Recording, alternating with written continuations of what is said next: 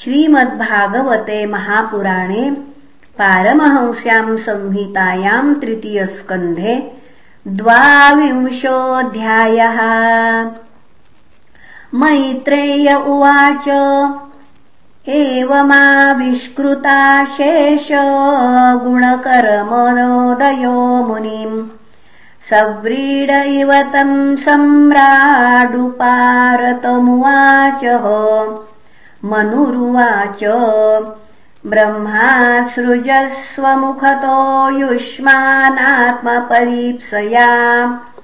छन्दोमयस्तपो विद्यायोगयुक्तानलम्पटान् तत्राणाया सृजच्चास्मान्दो सहस्रात् सहस्रपात्। हृदयम् तस्य हि ब्रह्म क्षत्रमङ्गम् प्रचक्षते अतो ह्यन्योन्यमात्मानम् ब्रह्मक्षत्रम् च रक्षतः। रक्षति स्माव्ययो देव स यः सदसदात्मकः तव सन्दर्शनादेव छिन्ना मे सर्वसंशयाः यत्स्वयम् भगवान् प्रीत्या धर्ममाहरिरक्षिषोः। दिष्ट्या मे भगवान् दृष्टो दुर्दर्शो यो कृतात्मनाम् दिष्ट्या पादरजस्पृष्टम् शीर्ष्णा मे भवतः शिवम् दिष्ट्या त्वयानुशिष्टोऽहम् कृतश्चानुग्रहो महान् अपावृतैकर्णरन्ध्रैर्जुष्टादिष्ट्योशतिर्गिरः स भवान् दुहितृस्नेह परिक्लिष्टात्मनो मम। श्रोतुमर्हसि दीनस्य श्रावितम् कृपया मुने। प्रियव्रतोत्तानपदो स्वसेयम् दुहिता मम। आ अन्विच्छति पतिम् युक्तम् वयशीलगुणादिभिः। यदा तु भवतः शीलश्रुतरूपवयो गुणान् अशृणोन्नारदादेशाम् त्वय्यासीत्कृतनिश्चया।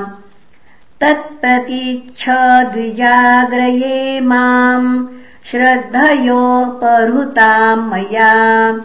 सर्वात्मनानुरूपान्ते गृहमेधिषु कर्मसु। उद्यतस्य हि कामस्य प्रतिवादो न शस्यते अपि निर्मुक्तसङ्गस्य कामरक्तस्य किम् पुनः? य उद्यतमनादृत्य कीनाशमभियाचते। क्षीयते तद्यशस्फीतम् मानश्चावज्ञया हतः। अहम् त्वा शृणवम् विद्वन् विवाहार्थम् समुद्यतम्। अतस्त्वमुपकुर्वाणः प्रत्ताम् प्रतिगृहाण मे। ऋषिरुवाच बाढमुद्वोढुकामोऽहमप्रत्ता च तवात्मजा। आवयोरनुरूपो सावाद्यो वैवाहिको विधिः कामः स भूयान्नरदेवते स्याः पुत्र्या समाम्नाय विधौ प्रतीतः। क एव ते तनयाम् नाद्रियेत स्वयैव कान्त्या क्षिपतीमिव श्रियम्। याम् हर्म्यपृष्ठे क्वणदङ्घ्रिशोभाम् विक्रीडतीम् कन्दुकविह्वलाक्षीम्। विश्वावसुर्ण्यापतत्स्त्वाद्विमानाद्विलोक्य सम्मोहविमूढचेताः। ताम् प्रार्थयन्तीम् ललनाललाममसेवित श्रीचरणैरदुष्टाम् वत्साम् मनोरुच्यपदस्वसारम् को नानुमन्येत बुधोऽभियाताम् अतो भजिष्ये समयेन साध्वीम् यावत्तेजो बिभ्रूयादात्मनो मे।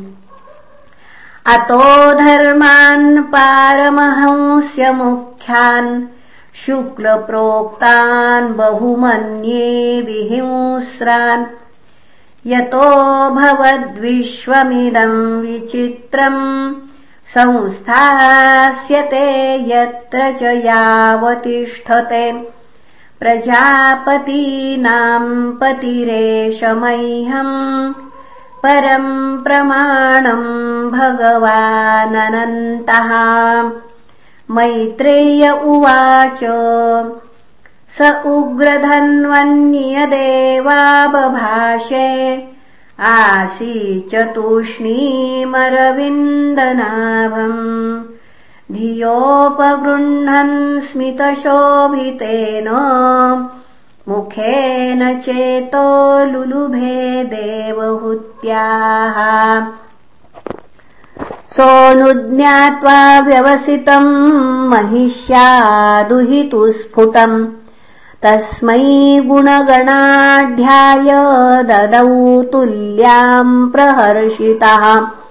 शतरूपा महाराज्ञी पारिबर्हान् महादनान् दम्पत्योः पर्यदात्प्रीत्या भूषावासः परिच्छदान्। प्रत्ताम् दुहितरम् सम्राट् सदृक्षाय गतव्यथः। उपगुह्य च बाहुभ्यामौत्कण्ठोन्मथिताशयः अशक्नुवंस्तद्विरहम् मुञ्चन् बाष्पकलाम् मुहुः आसिञ्चन्दम्ब वत्सेति नेत्रोदैर्दुहितुः शिखाः आमन्त्र्यतम् मुनिवरमनुज्ञातः सहानुगः प्रतस्थेरतमारुह्य सभार्यः स्वपुरम् नृपः उभयो ऋषिकुल्याया सरस्वत्या सुरोदसोः। ऋषीणामुपशान्तानाम् पश्यन्नाश्रमसम्पदः। तमायान्तमभिप्रेत्य ब्रह्मावर्तात् प्रजाः गीतसंस्तुतिवादित्रैः प्रत्युदीयुः प्रहर्षिताः। बर्हिष्मती नाम पुरी सर्वसम्पत्समान्विता। न्यपतन् यत्र रोमाणि यज्ञस्याङ्गम् विधुन्वतः। कुशाकाशास्त एवासन् शश्वद्धरितवर्चसः। ऋषयो यै पराभाव्य यज्ञघ्नान् यज्ञमीजिरे। कुशकाशमयम् बर्हि रास्तीर्य भगवान् मनुः। अयजद्यज्ञपुरुषम् लब्धास्थानम् यतो भुवम् बर्हिष्मतिम् नाम विभुर्याम्। निर्विश्य समावसत्। तस्याम् प्रविष्टो भवनम्। तापत्रयविनाशनम्। सभार्यः स प्रजः कामान्। बुभुजे न्याविरोधतः। सङ्गीयमानः सत्कीर्तिः सस्त्रीभिः सुरगायकैः प्रत्यूषेष्वनुबद्धेन हृदा शृण्वन् हरेः कथाः। निष्णातम् योगमायासु मुनिम् स्वायम्भुवम् मनुम् यदा भ्रंशसि पुनः यदा भ्रंशयितुम् भोगा न शेकुर्भगवत्परम् अयातयामास्तस्यासन् यामा स्वान्तरयापनाः शृण्वतो ध्यायतो विष्णो कुर्वतो ब्रुवतः कथाः। स एवम् स्वान्तरम् निन्ये युगानामेकसप्ततिम् वासुदेवप्रसङ्गेन परिभूतगतित्रयः शारीरामानसा दिव्या वैयासे ये च मानुषाः भौतिकाश्च कथम् क्लेशा बाधन्ते हरिसंश्रयम्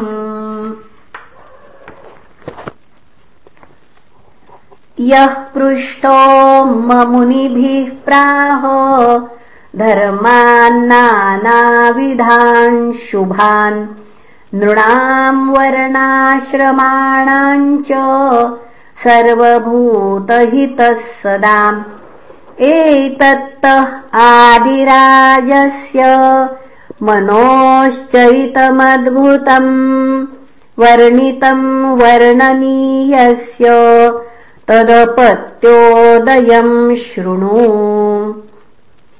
इति श्रीमद्भागवते महापुराणे पारमहंस्याम् संहितायाम् तृतीयस्कन्धे द्वाविंशोऽध्यायः।